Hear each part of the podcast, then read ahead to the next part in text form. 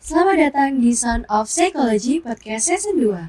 Platform podcast ini yang membahas mengenai ilmu psikologi dan juga pembahasan mengenai kehidupan perkuliahan. So, tunggu apa lagi? Let's check it out!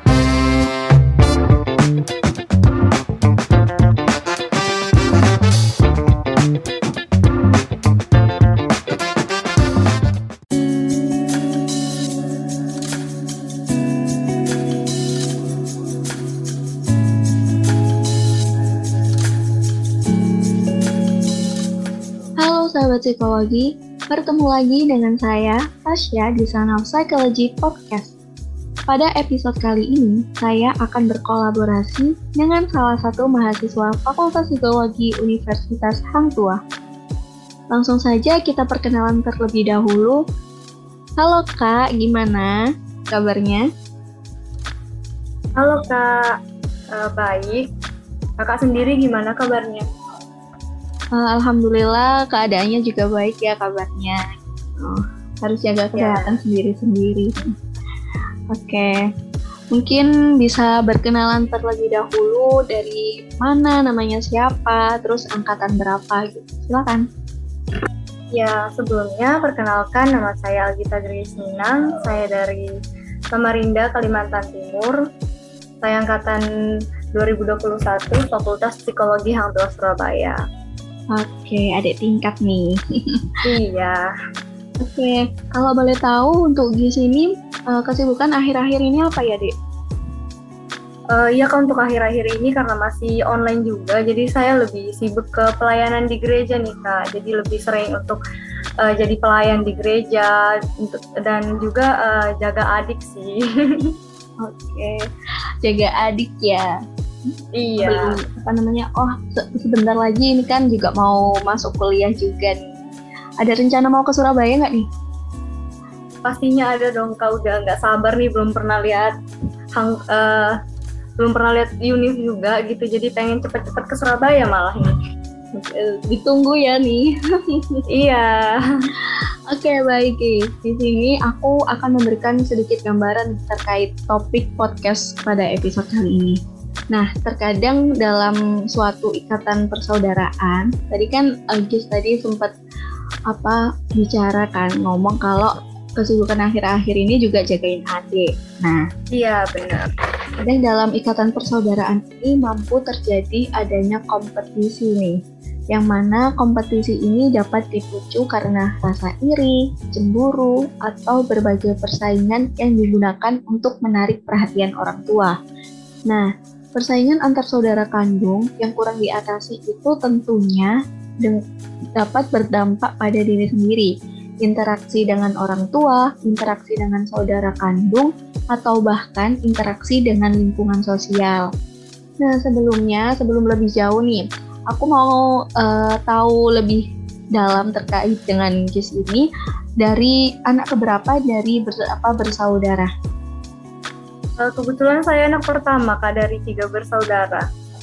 Oh, anak pertama. Untuk adik-adiknya cowok cewek apa gimana? Iya kak, yang adik pertama cewek, yang adik terakhir cowok. Oke, komplit ya ada cowok cewek. Iya. Nah, itu eh, terkait usia terpaut jauh nggak dengan kamu? sangat jauh kak. Kalau yang kedua itu 10 tahun jaraknya, lalu yang terakhir 18 tahun. Oh, cukup jauh juga ya. Iya. Oke. Nah, di, ini di perbedaan usia yang jauh gitu, pernah nggak Gi sendiri ini mengalami kompetisi gitu di dalam persaudaraan kamu? Pastinya pernah ya kak. Apalagi kan usianya yang sangat jauh, yang biasanya terbiasa sendiri, tiba-tiba punya adik gitu, yang perhatian orang tua jadi terbagi. Gitu sih kak. Oke, perhatian orang tua jadi terbagi. Tapi Iya. sebelum, sebelum itu eh, apa namanya? Sebelum ada adik kedua nih, eh, perhatian orang tua itu orang tuanya di sini ter eh, memberikan perhatian penuh nggak ke? Ke Gis? Enggak kak, Eh, biasanya kan lebih diatur ini itu. Ini kalau misalnya semenjak punya adik gitu jadi terbagi. Yang biasanya diperhatiin makan, mandinya, ini tiba-tiba enggak gitu kak. Lebih enggak disuruh lagi gitu. Mungkin kayak harus mandiri gitu kak. Berarti lebih dituntut untuk mandiri ya karena udah ada adik-adiknya yang harus dijaga juga. Iya benar. Oke, nah kalau boleh tahu ini tadi kan uh, juga sempat bilang kalau sempat terjadi kompetisi di dalam uh, persaudaraan itu tadi. Nah, yeah. yang paling dominan itu kalian berkompeten berkompetisi dalam hal apa nih? Biasanya kita itu uh, mencari perhatian orang tua kayak gitu kak. Jadi kadang uh, yang kedua ini ya, saya kan beda 10 tahun. Jadi sekarang udah kelas 3. Jadi kadang kita tuh adik tuh lebih kayak kok kakak terus sih kok kakak terus sih karena mungkin uh, dibandingin juga gitu kak kayak dek coba nyapu dong dek coba cuci piring gitu dek coba gini gini gini ya rapi dikit jadi adik tuh lebih kayak duh kakak nih jadi kayak oh, harus kayak kakak nih harus rapi harus rapi jadi kayak gitu juga sih kajiannya Oke, berarti ada kayak rasa cemburu atau enggak rasa dibanding-bandingkan gitu ya antara kamu sama iya. yang kedua ini. Benar. Okay. Nah, dari uh, obrolan kamu tadi, cerita kamu tadi, ternyata dalam ilmu psikologi, persaingan dalam ikatan persaudaraan ini uh, biasanya dikenal dengan istilah sibling rivalry. Nah, di mana menurut Usta, sibling rivalry ini adalah suatu kecemburuan, persaingan, dan pertengkaran antara saudara laki-laki dan saudara perempuan yang mana hal ini terjadi pada semua orang tua yang mempunyai dua anak atau lebih. Nah, tapi ada juga ciri khas yang sering muncul pada sibling rivalry ini menurut sains, yaitu egois, suka berkelahi, memiliki kedekatan yang khusus dengan salah satu orang tua, mengalami gangguan tidur, kebiasaan menggigit kuku, hiperaktif, suka merusak, dan menuntut perhatian yang lebih banyak. Nah, dari uh, beberapa ciri yang sudah aku sebutin tadi, ciri-ciri mana yang ada pada bis ini sehingga dapat memicu adanya sibling rivalry dalam persaudaraan kalian? Gimana, guys? Ya, kalau yang dari teori tadi ini ya, kalau saya itu lebih ke memiliki kedekatan yang khusus dengan salah satu orang tua dan juga saya itu lebih hiperaktif. Nah, karena saya itu lebih dekat dengan papa dan adik ini lebih dekat dengan mama. Jadi kita itu jadi suka ini loh kak. Jadi suka kayak ih bagus ini enakan sama papa. Eh enggak enakan sama mama gitu-gitu loh kak. Oh iya iya iya. Iya. Terus juga hi uh -huh. iya. Terus juga hiperaktif gitu. Kalau adik saya yang kedua ini dia lebih suka tenang main sendiri gitu-gitu. Dan saya tuh kayak deh ayo dong dek. Dek ayo nah dek temanin gitu. Jadi dia suka kesel gitu juga kayak kakak nih gitu. Jadi itu sih yang memicu pertengkaran-pertengkaran di antara kita kayak gitu sih kak. Berarti kayak masalah-masalah kecil gitu ya sebenarnya bicara yeah. malah jadi anggap serius gitu. Iya. Yeah. oke. Okay. tapi dari uh, adanya uh, apa namanya hal-hal kecil kayak gitu gimana perasaan? Seneng kak? Atau malah ya udah sih enjoy aja namanya juga adik gitu Saya itu lebih ke karena suka bercanda gitu ya kak yeah. jadi kayak santai aja gitu kalau misalnya dia lagi marah kayak paling dibujuk dikit ntar udah baikan lagi dan kita juga biasanya kayak gitu kok uh, kesal-kesalan atau marah-marahan gitu nggak nggak lama gitu kak biasanya tuh sebentar udah baikan lagi lebih santai sih kak hmm. Ya apalagi di sini juga sebagai anak pertama ya, jadi harus lebih mengayomi adik-adiknya juga. Iya. Oke okay, guys, dari tokoh yang sama yaitu Sun itu tadi, beliau juga menjelaskan bahwa selain uh, adanya ciri khas, ada juga faktor penyebab terjadinya sibling rivalry. Nah, faktor internal ada dua nih, ada faktor internal dan juga faktor eksternal. Faktor internal ini yaitu faktor yang tumbuh dan berkembang dalam diri anak itu sendiri seperti temperamen, sikap masing-masing anak dalam mencari perhatian orang tua, perbedaan usia atau jenis kelamin, dan juga ambisi anak untuk mengalahkan anak yang lain. Nah, uh, untuk faktor internal sendiri ini kira-kira apa nih yang uh, terjadi pada diri Grace ini? Kalau saya internal itu lebih ke perbedaan usia ya kak, karena kan moodnya gitu loh, susah untuk uh, mengerti kayak dia susah mengerti mood saya saya juga kan susah mengerti moodnya adik gitu. Jadi kayak lebih ke perbedaan usia itu tadi kak. Jadi masalahnya tuh di situ gitu. Beda permainan kalau misalnya mungkin saya lebih ke gadget kan sudah kuliah gitu lebih ke gadget lebih ke laptop. Nah adik tuh masih suka yang main Barbie Barbie jadi kayak jadi kayak gitu kak. Perbedaan-perbedaan kecil-kecil yang kayak gitu tuh yang menyebabkan kita tuh jadi sering bertengkar salah paham kayak gitu. Oke. Ya, apa namanya? Uh, tadi juga sempat dibilang juga ya umurnya jauh banget. Jadi ya benar sih nggak menutup kemungkinan adanya perbedaan-perbedaan yang cukup terlihat juga. Iya. Oke. Nah, selain faktor internal, ada juga faktor eksternal yang disebabkan karena orang tua yang salah dalam mendidik anaknya, seperti sikap membanding-bandingkan dan adanya anak emas di antara anak yang lain. Nah, gimana menurut di sini untuk faktor eksternal? Silakan, Giz.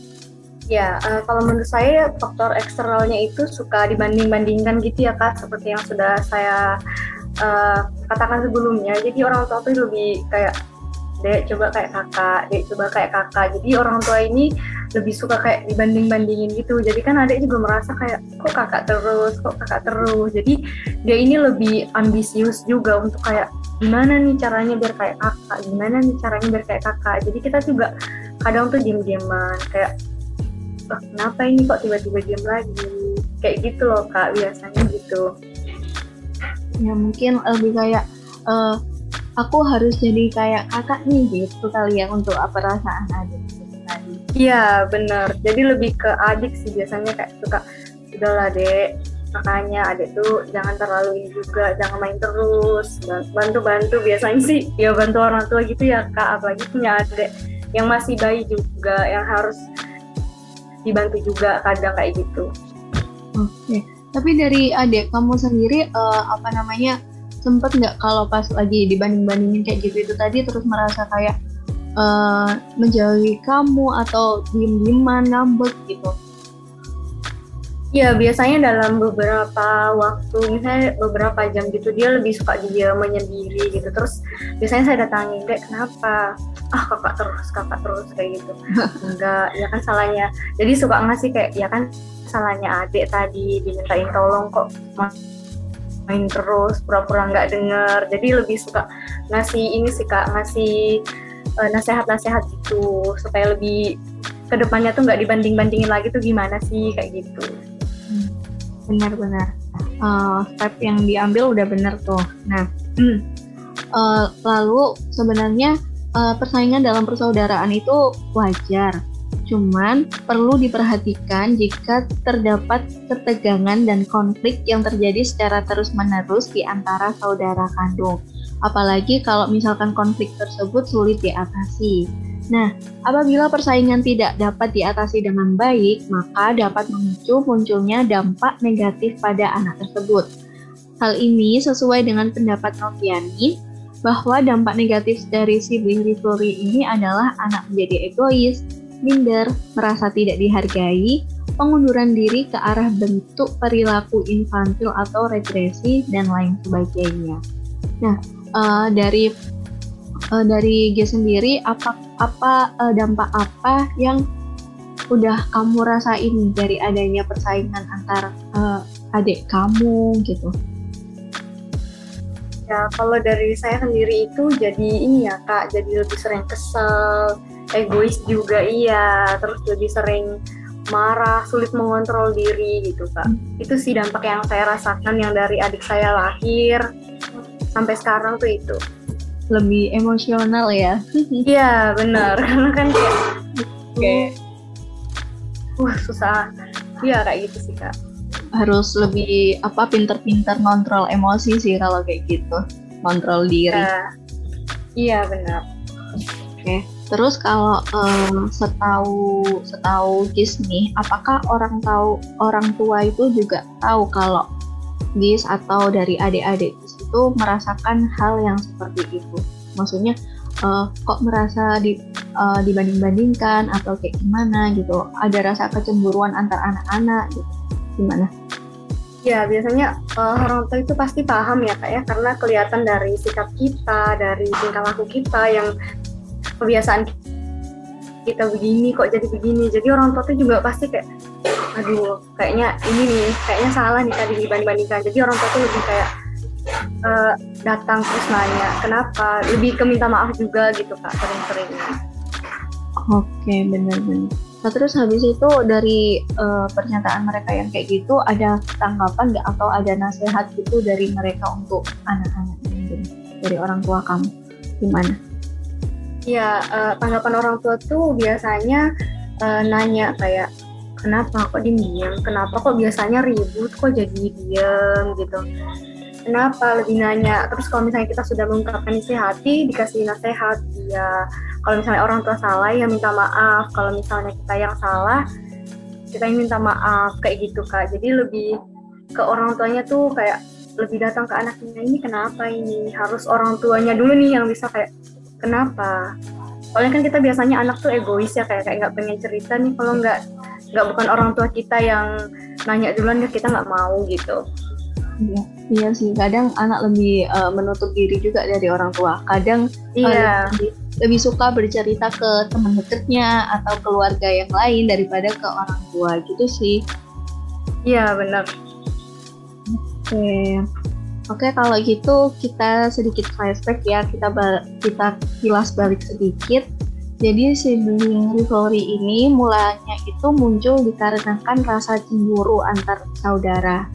Nah, dari beberapa jurnal dan artikel ilmiah lainnya juga diketahui terdapat beberapa cara untuk orang tua dalam menangani kecemburuan anak sekaligus untuk mengatasi adanya sibling rivalry. Misalnya, tidak membandingkan antara anak satu dengan yang lainnya, membiarkan anak menjadi diri pribadi mereka sendiri, mengenali temperamen anak, mengajarkan anak mengatasi konflik, mengapresiasi usaha anak bukan dari hasilnya, bersikap adil tetapi disesuaikan dengan kebutuhan anak. Jangan memberi tuduhan tertentu tentang negatifnya sifat anak dan yang terakhir yaitu kesabaran serta keuletan dan contoh-contoh yang baik dari perilaku orang tua sehari-hari adalah cara pendidikan anak-anak untuk menghindari sibling rivalry yang paling bagus.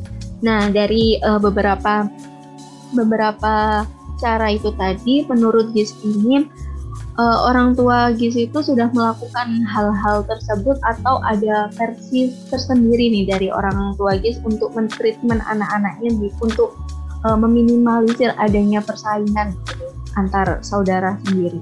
Gimana Giz? Ya, kalau dari uh, apa ini? Kalau dari cara mengatasinya sendiri, ya orang tua saya sudah melakukan seperti mengenali temperamen anak, karena kan sudah uh, berjalan 10 tahun juga ya kak ya. ya. Dan anaknya sendiri yang kita ketemu hari-hari di rumah, jadi orang tua itu lebih mengenali temperamennya kita masing-masing, uh, mengajarkan kita, memberikan nasihat untuk mengatasi konflik-konflik yang terjadi di antara saudara kayak gitu. Lebih sebagai penengah gitu kak, kalau orang jadi orang tua gitu. Oke, jadi uh, biar nggak sampai terjadi pertengkaran yang hebat, jadinya uh, ambil jalan tengah gitu ya untuk orang tua itu tadi. Iya, benar. Oke, jadi itu guys uh, sharing session pada podcast kali ini terkait sibling rivalry yaitu persaingan antar saudara. Nah, dan tidak terasa udah ada di penghujung acara nih guys ya. Uh, mungkin dari guys yeah. ada closing statement mungkin untuk uh, Sound of Psychology di podcast episode kali ini. Iya, saya mengucapkan terima kasih banyak atas kesempatan kesempatan yang sudah diberikan oleh podcast ini untuk sharing, melakukan sharing, memberikan uh, informasi-informasi kepada teman-teman semua. Semoga bermanfaat Terima kasih Kak. Oke, terima kasih kembali Kis udah mau sharing pengalaman dan cerita hidupnya untuk uh, dipelajari sama sahabat psikologi. Iya. Oke guys, jadi uh, kesimpulan pada topik podcast kali ini yaitu persaingan antar saudara kandung itu mungkin tidak dapat dihindari, tetapi bisa diatasi dengan cara yang sehat. Hubungan dengan saudara kandung adalah salah satu hubungan yang paling lama dimiliki selain hubungan dengan orang tua. Memiliki hubungan yang mendalam dan bermakna dengan saudara kandung akan menjadi salah satu dukungan utama saat setiap orang mengalami kesulitan, tantangan, dan juga perubahan dalam hidup. Jadi untuk sahabat psikologi, uh, meskipun ada persaingan antar saudara, tetap harus menjaga ikatan persaudaraan itu dengan baik. Baik, terima kasih banyak atas waktunya untuk bis. Semoga di lain waktu kita bisa segera ketemu ya di fakultas dan kita bisa lebih sharing-sharing lagi. Iya benar kak. Semoga uh, corona kita uh, cepat berlalu agar kita bisa beraktivitas seperti biasanya juga. Tetap jaga kesehatan kak. Terima kasih. Oke Gis, terima kasih kembali dan tetap jaga kesehatan. Baik sahabat psikologi, terima kasih telah mendengarkan podcast ini dari awal sampai akhir. Semoga ilmu yang telah kita sampaikan dan sharing session pada hari ini dapat menjadikan suatu pembelajaran bagi kita semua. Terima kasih telah mendengarkan. Sampai jumpa di lain episode. Bye-bye. Terima kasih, Gis. Bye-bye. Terima kasih banyak, Kak.